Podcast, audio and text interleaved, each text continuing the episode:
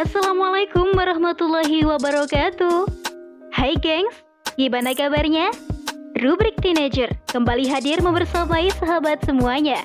Masih bersama saya, Dewi Fitriana. Rubrik Teenager kali ini berjudul Hentikan Dominasi Kapitalisme Global oleh Miladia Al-Kiptia Hai guys, Akhir-akhir ini dunia Islam sedang dalam sorotan media nasional maupun internasional loh. Ya, kasus yang belum lama terjadi adalah Ukraina vs Rusia yang disinyalisasi perang antara dua negara tersebut bisa meletus kapan saja guys. Jika kita flashback, Ukraina dan Rusia ini sebenarnya sudah terlibat konflik yang membara sejak tahun 2014 lalu. Berawal dari Ukraina yang menggulingkan presidennya yang pro-Rusia. Sedangkan nih, militer Rusia menyeberang ke wilayah Ukraina dan juga mengobarkan pemberontakan oleh separatis di Ukraina Timur. Ketegangan itu bahkan telah menewaskan lebih dari 13.000 tentara dan warga sipil guys. Guys, sadar nggak sih kalau ini adalah sebuah proyek globalisasi yang dilakukan oleh sekelompok bangsa untuk melakukan eksploitasi dan dominasi atas bangsa-bangsa lain di atas dunia.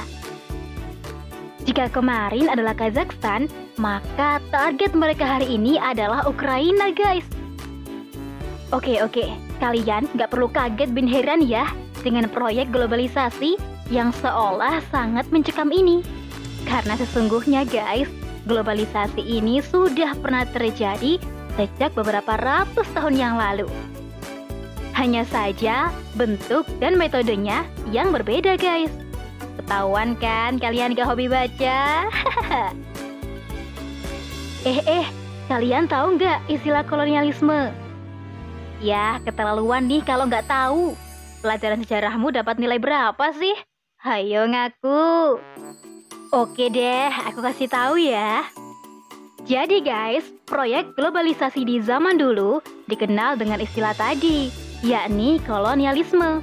Metode yang mereka gunakan adalah penjajahan secara fisik atas negara-negara sasaran koloni-koloninya. Negara-negara koloni tersebut selanjutnya dikeruk kekayaan sumber daya alamnya untuk keperluan pengembangan industri di negara kolonial guys. Terus-terus Gimana ya bentuk globalisasi di abad 21 ini? Apakah metodenya sama di zaman kolonial? Jawabannya adalah big no guys. Bentuk dan metodenya jelaslah berbeda. Karena penjajahan gaya baru telah muncul setelah Perang Dunia II berakhir. Tapi bukan berarti proses penjajahan telah berakhir ya. Penjajahan tetap ada kok, tapi tidak lagi secara fisik melainkan dengan upaya dominasi kapitalisme global. Ya, kalian pada tahu kan kalau saat ini mata uang dolar Amerika Serikat diperlakukan sebagai mata uang internasional. Ya, karena Barat ngotot mau menggantikan mata uang emas dan perak yakni dinar dan dirham yang dikeluarkan oleh kekhilafahan Turki Utsmani belasan abad yang lalu. Terus mereka membentuk organisasi IMF sebagai lembaga untuk menjaga stabilitas moneter internasional, guys. Selain itu, mereka juga membentuk WB alias World Bank untuk memberi utang berkedok dana untuk membiayai proyek-proyek pembangunan negara-negara bekas jajahannya. Hmm, lebih jahat mana coba? Penjajahan fisik di zaman kolonial atau globalisasi di zaman milenial?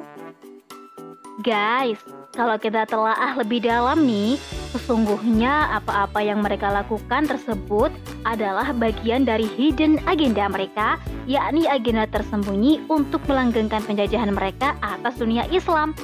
Oh iya, apa buktinya? Guys, coba kita perhatikan deh, negara kapitalis dunia saat ini dengan leluasa menjalankan hegemoni ekonomi atas negara-negara bekas jajahannya yang notabene adalah negeri-negeri muslim. Bahkan berlangsung hingga saat ini loh guys.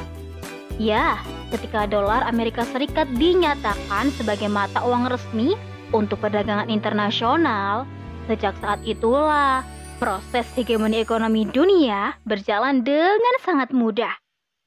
Pada akhirnya, ya semua negara bekas jajahan yang sudah menyatakan kemerdekaannya dipersilahkan untuk membuat mata uang lokal.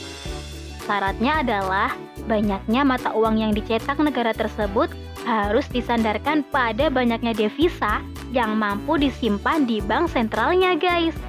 Dan ternyata guys, devisa yang menjadi sandarannya adalah dolar Amerika Serikat. Ini nih baru hegemoni mata uang guys.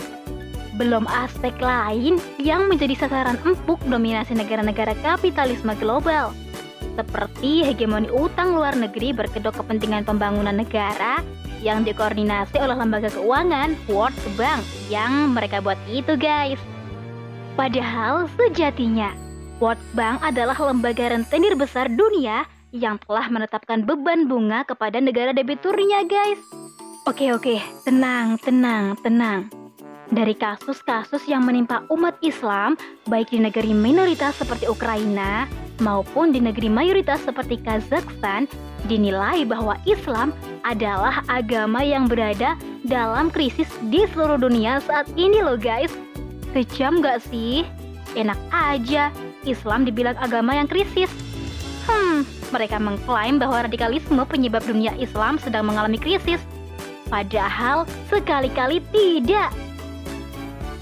Dunia Islam sejatinya hanya berada dalam dominasi kapitalisme global. Jika kita flashback, lah flashback mulu ya. Gak apa-apa deh. Jadi guys, merekalah yang menjajah, menindas, dan membunuh kaum muslim. Kaum muslim dijauhkan dari pedoman Islam yang sesungguhnya selama berabad-abad lamanya. Sehingga membuat dunia Islam rentan terhadap skema kolonial atau sekarang tepatnya adalah globalisasi ini guys. Jadi guys, dunia Islam sedang tidak krisis ya. Akan tetapi yang terjadi saat ini adalah krisis global yang dibuat sendiri oleh negara-negara kapitalis di bawah pengawasan tatanan global liberal yang mereka yakini. So, how can we get out of the grip of global capitalism? Of course, the answer is easy so Inggris banget ya gue. Jadi gini guys, kita tahu kan bahwa cengkraman hegemoni kapitalisme di dunia ini dilakukan oleh negara adik kuasa, yakni Paman Sam, Amerika Serikat. Maka, untuk dapat melawan itu, kita juga harus dong menggunakan kekuatan negara adik kuasa untuk melawan mereka. Kamu tahu kan apa yang aku maksud? Yaps, bener banget. Khilafah lah yang aku maksud guys. Sebagai anak milenial yang produktif, kreatif, dan inovatif, saatnya libatkan dirimu untuk menggolkan langkah-langkah strategis yang kudu ditempuh demi kembalinya tatanan Islam di panggung dunia. Pertama nih, pahami dulu ya, satu persatu pengaruh globalisasi negara kapitalis. Saat ini emas dan perak tidak lagi menjadi mata uang dunia kan? Maka saatnya guys, gaungkan untuk berlepas dari dominasi dolar Amerika Serikat. Lakukan deh kajian mendalam tentang emas dan perak, bahwasanya nilainya itu stabil. Ya, tidak akan pernah mengalami inflasi. Yakinkan umat bahwa emas dan perak ini harus menjadi mata uang negara. Dalam hal ini adalah khalifah untuk keperluan perdagangan dalam negeri maupun luar negeri. Kedua, kita harus mewujudkan perekonomian yang mandiri, guys. Dalam negara khilafah tidak dikenal istilah menggunakan utang luar negeri. Khalifah yang memimpin negara khilafah akan senantiasa mendorong dan memotivasi seluruh rakyat untuk menginfakkan harta kekayaan mereka untuk membantu negara dalam membiayai pembangunan ekonomi. Oke deh, kali ini aku bahas dari aspek ekonomi dulu ya. Soalnya bakal kepanjangan nih kalau kudu bahas dari aspek geopolitiknya. Insya Allah next time ya guys. Intinya kita harus nih menegakkan tiang-tiang penyangga agar khilafah berdiri kokoh tanpa mudah dihancurkan lagi sebagaimana yang pernah terjadi belasan abad yang lalu. So, kontribusimu sangat diperhitungkan demi tegaknya khilafah melalui tiang-tiang penyangganya. Apakah itu? They are ketakwaan individu, kontrol masyarakat, dan penerapan hukum-hukum Islam oleh negara. Insya Allah deh, khilafah mampu mewujudkan itu semua. Tidak hanya untuk kepentingan umat Islam saja, akan tetapi untuk kepentingan non-muslim juga. Bahkan segenap makhluk yang ada di alam semesta ini akan merasakan kemakmurannya guys. Because Islam is rahbatan lil alamin. Wallahu alam. Bisa. Oke deh, sampai di sini dulu ya. Sampai jumpa di rubrik-rubrik teenager selanjutnya. Saya, Dewi Fitriana, pamit undur diri dari ruang dengar sahabat semuanya. Wassalamualaikum warahmatullahi wabarakatuh.